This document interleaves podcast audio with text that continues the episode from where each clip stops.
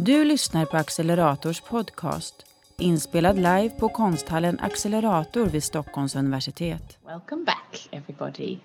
Um, this is lovely to be here. uh, in the afternoon of the Soil Symposium.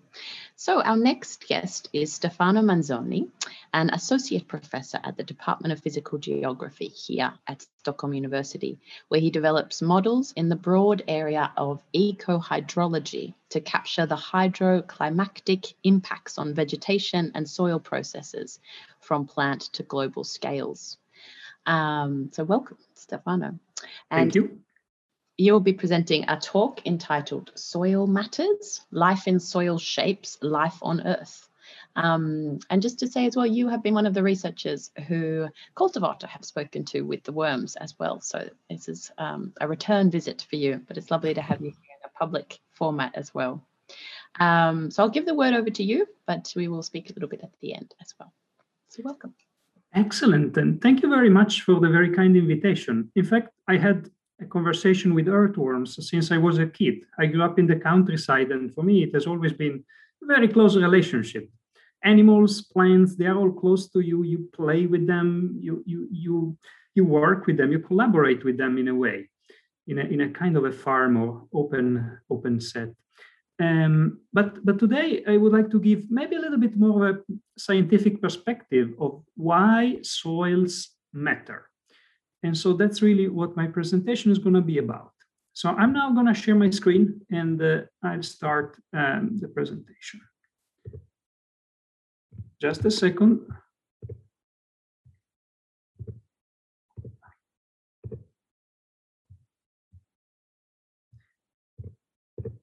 All right, can you see my screen? Excellent. Very good. So um, again, short presentation on why soil matters.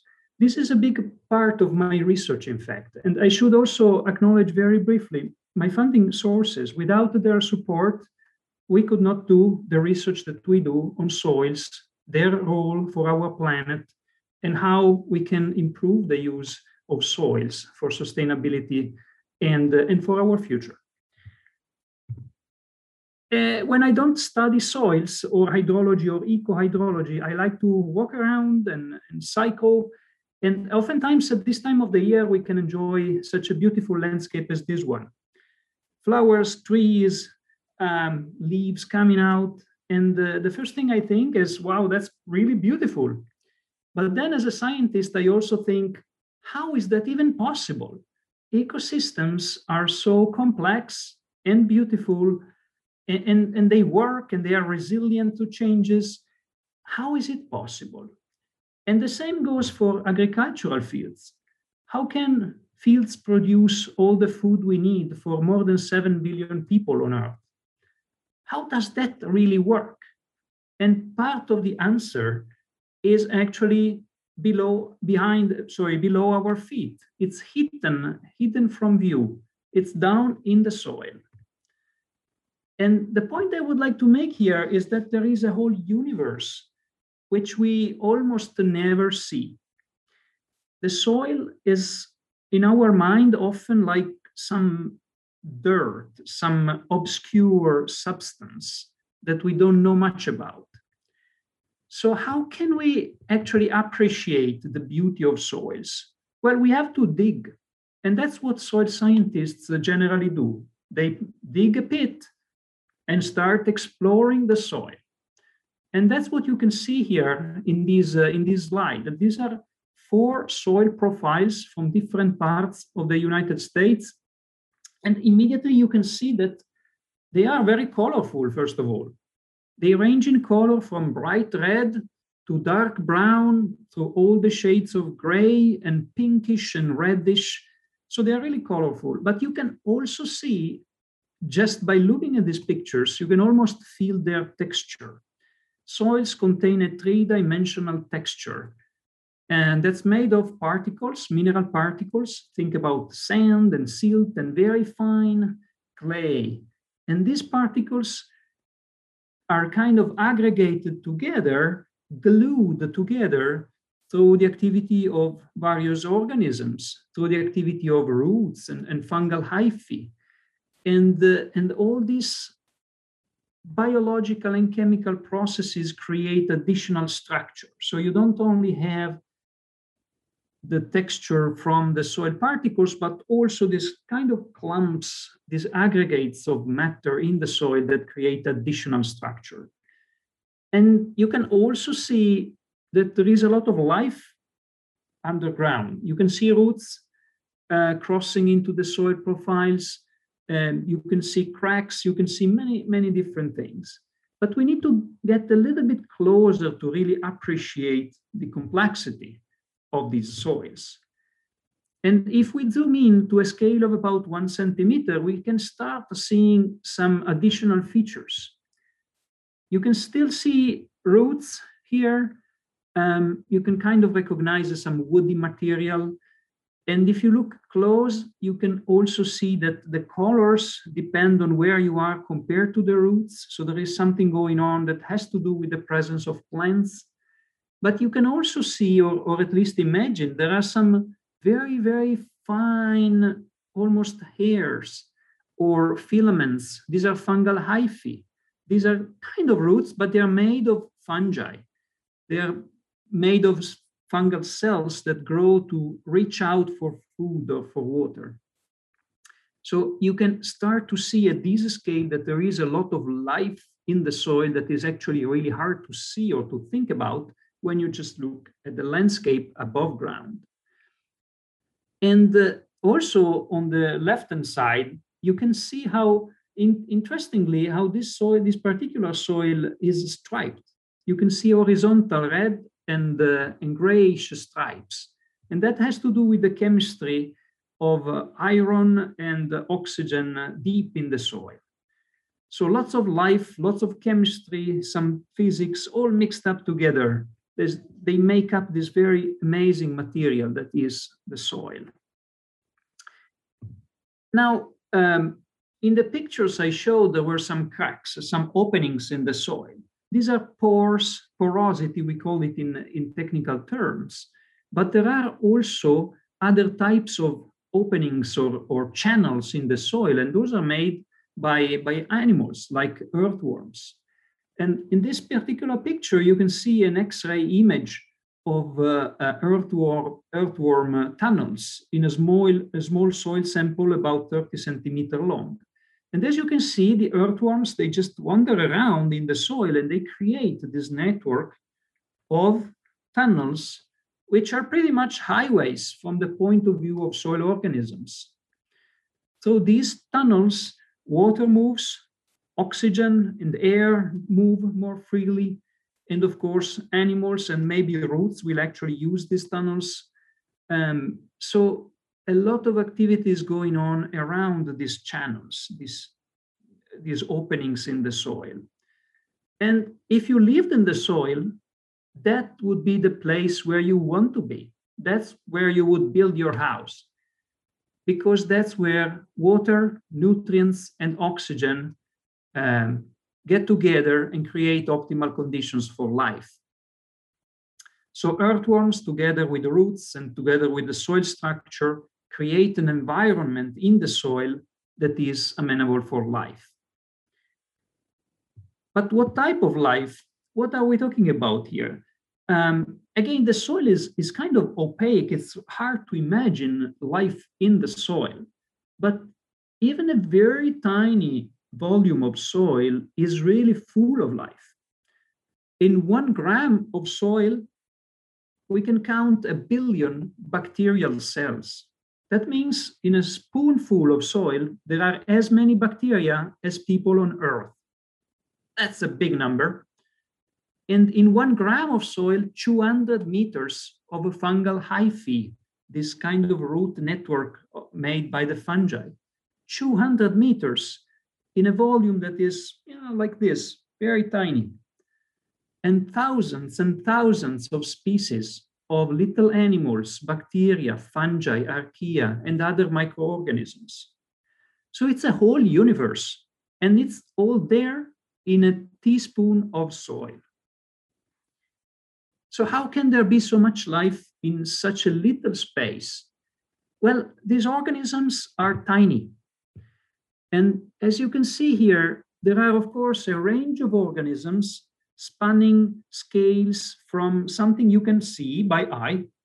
Think about a mouse, then an earthworm, and then smaller insects, and then tinier and tinier organisms, all the way down to bacteria, archaea, and viruses. And think about the size of a bacterium cell. It can be as small as one over 10,000 millimeters. Think about it. One millimeter is tiny. Divide that by 10,000. That's the size of a bacterial cell. So you can imagine that as these organisms get smaller and smaller, then they can be really, really numerous. So that you can have, that's why you can have so many billions of bacterial cells or microorganisms in a tiny volume of soil. But what do they actually do in the soil? What do microbes do in the soil?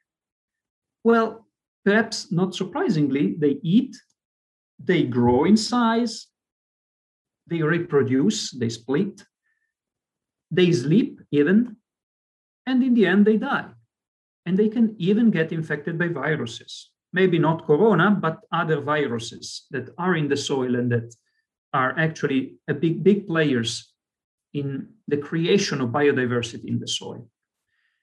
But microbes also breathe.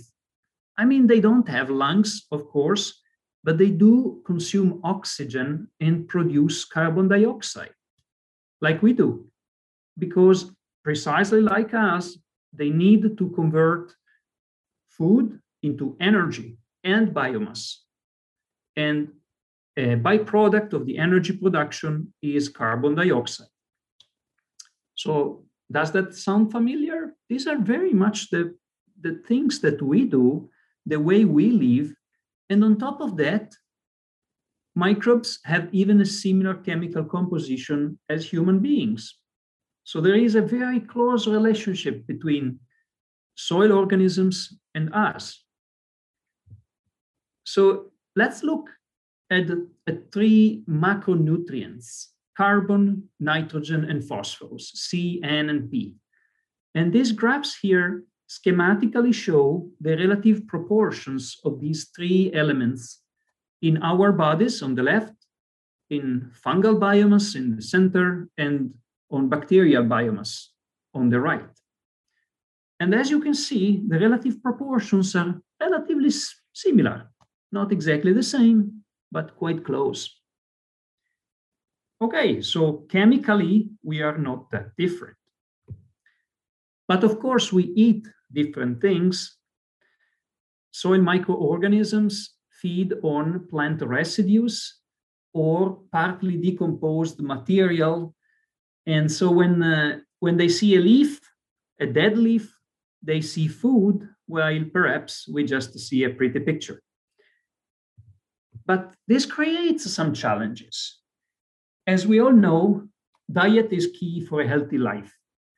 And we have more or less an idea of what we should eat to have a healthy, healthy life with some, some carbohydrates, fruits and vegetables, proteins, fats, and we can actually choose what to eat. Microbes in the soil often don't have really a choice. They cannot go to a supermarket and buy their food. So they need to get the food when it's available, and whatever they get, they eat. But it's not always perfect for their diet. And you can think about the diet of microbes uh, by looking again at the proportions of macronutrients, carbon, nitrogen, and phosphorus. If your body is made of um, some carbon, some nitrogen, and some phosphorus, you would like to eat food that has a similar chemical composition. But for microbes, that's not always the case. Leaves, dead leaves, for instance, are extremely rich in carbon, but they don't have much nitrogen or phosphorus. so microbes feeding on dead leaves, are basically eating just bread or pasta, but without any sauce, without any cheese throughout their life. So you can imagine it's quite challenging, unless you really love pasta. But of course, other microorganisms, they might access kind of better food. If you look into the soil instead of on the soil surface where the leaves are, you can find organic matter that is relatively rich in nutrients. So some microbes actually feed on relatively balanced food with the right proportions of carbon, nitrogen, phosphorus, and other nutrients.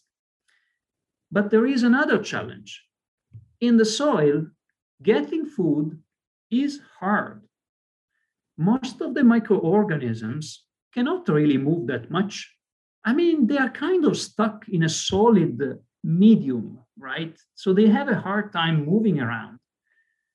Fungi, yeah, they can grow hyphae and reach a little bit for their food to some degree, but bacteria can't.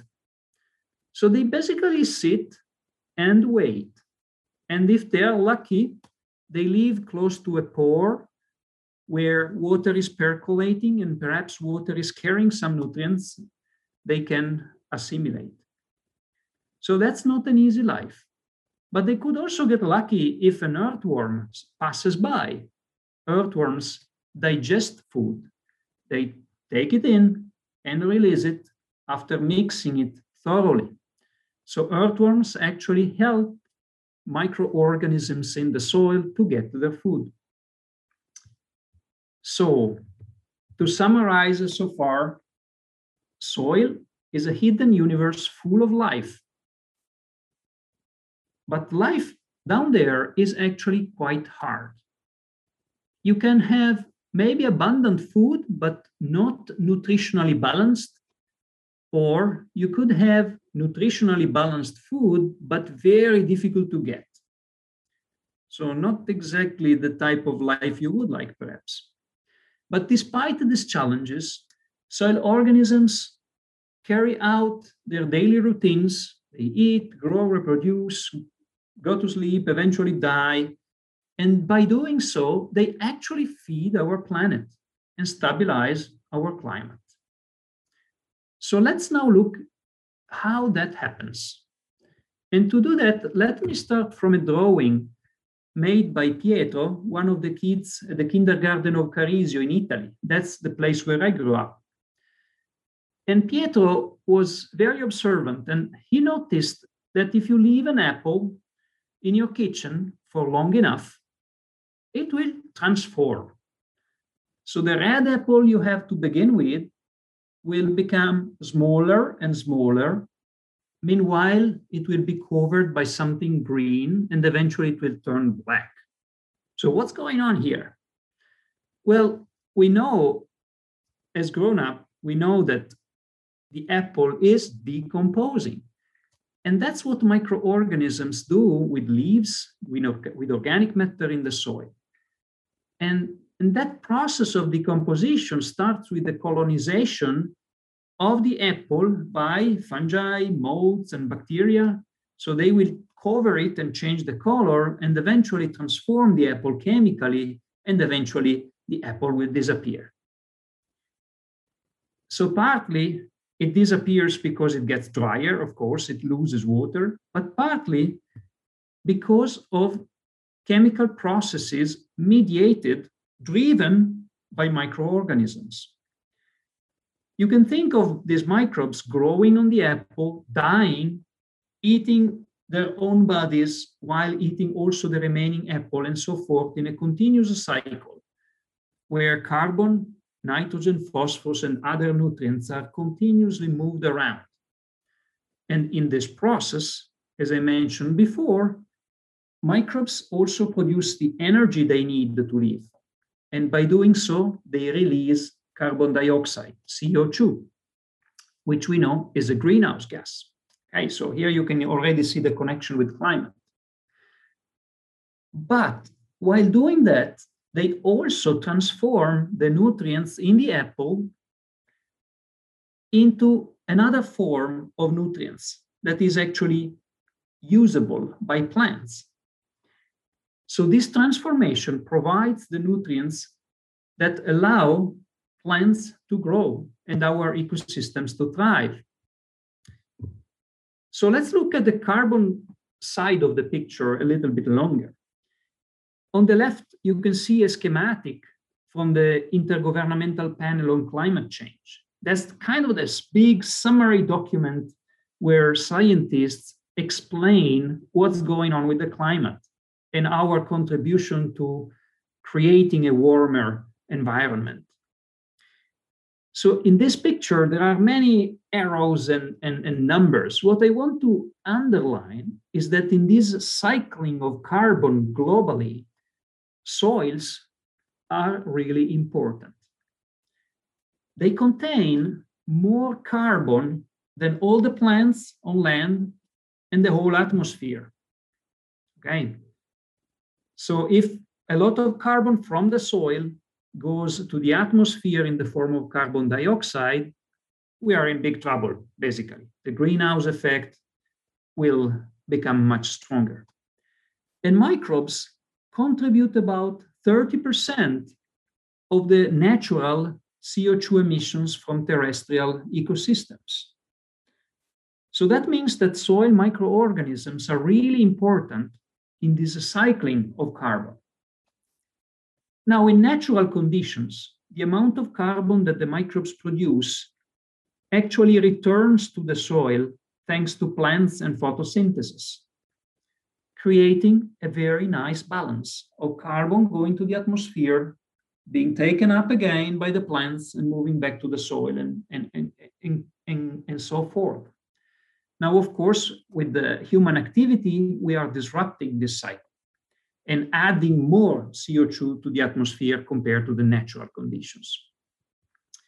But microbes are key in this, in this cycle, and without them, we wouldn't live in, uh, in, in, on Earth as we know it. It would be a very different planet. Without greenhouse gases, we would be on a frozen planet, most likely. Not very good for life. Now, I mentioned a little, I talked a little bit about nutrients. So what's going on with this nitrogen and phosphorus? Microbes eat dead leaves where nutrients like nitrogen and phosphorus are chemically stuck. They are not really available. They are in there, but nobody can use it. But with the help of microbes, these nutrients are released. They become chemically available for plants. And that's how a dead leaf one year will become a fresh new leaf in the following spring, thanks to microbial activity. And then, as the plants die in the following autumn, these nutrients will be returned back to the soil, closing the cycle.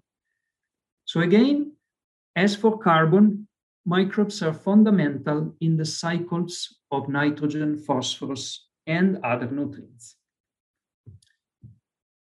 And as I mentioned before, uh, with our activities and burning fossil fuels, we are breaking the balance. We have already broken the balance between land and the atmosphere, causing climate change.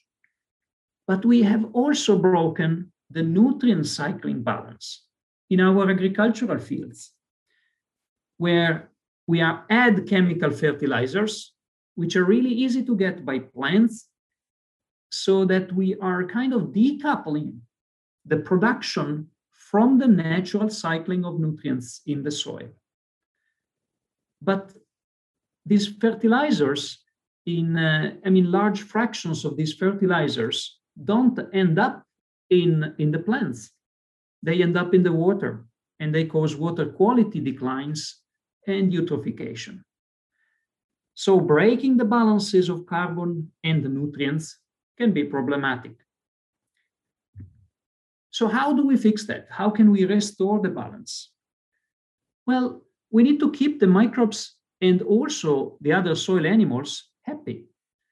In this way, they will maintain carbon in the soil and also the nutrients releasing them slowly so that they don't get lost in the water. And in, in doing so, microbes can actually help stabilizing climate, improving water and nutrient use in our agricultural fields.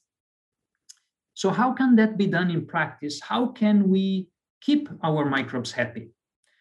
Well, there are many approaches. Um, soil restoration, organic farming, low intensity practices, agricultural di- diversification. These are all practical approaches that can be implemented to keep microbes happy so that they can help maintain carbon in the soil instead of releasing it to the atmosphere and also maintaining functional nutrient cycling in our fields. And I actually encourage you to have a look at the video in, uh, in this website. Um, that's a video on the four per mille initiative that aims precisely at keeping soil microbes happy with some practical, of course, suggestions. So in closing, we started with the question, why do soils matter? And they matter because they are alive in life in soil in the form of microbes, earthworms, and other animals is essential for climate regulation and plant nutrition. So these organisms in the soil can also help us stabilize a warming climate and making our agriculture more sustainable and productive. So, how do we do that? How can we help these organisms to perform these essential functions? Well, we need to keep them happy. And that's how I would like to conclude this presentation. Thank you so much. Thank you. Thank you. That was beautiful. Um, and I think keeping them happy is just, you know, kind of a plan for the whole afternoon here of the Soil Symposium. Um, but thank you so much for going so deep and, but like going so deep, but also, you know, being so clear with such clarification of how we can better understand these neighbors um, and how the important work that they do. Um, and thank you for bringing in this art and research perspective in, is it Pietro's artwork that's so beautiful from the preschool as well. So we yeah, that was actually part of an initiative we had, uh, a collaboration we had with the kindergarten. They are mm. trying to make kids understand why microbes can actually help us. And not all microbes are bad. Now, we live in a world where we are um, scared, and rightly so, because of viruses, infections, and so forth. But the large majority of microorganisms are actually beneficial. We would not be able to live without bacteria in our guts. Mm, exactly, exactly. Oh, thank you so much. Um, but we will leave it there. But thank you very much for um, for today, and I will see you soon. I hope. okay, thank you. Du har lyssnat på en podcast från Accelerator, inspelad live på konsthallen Accelerator vid Stockholms universitet. För att ta del av vårt program, prenumerera på vår podcast och besök Accelerators hemsida acceleratorsu.art där du även kan prenumerera på vårt nyhetsbrev.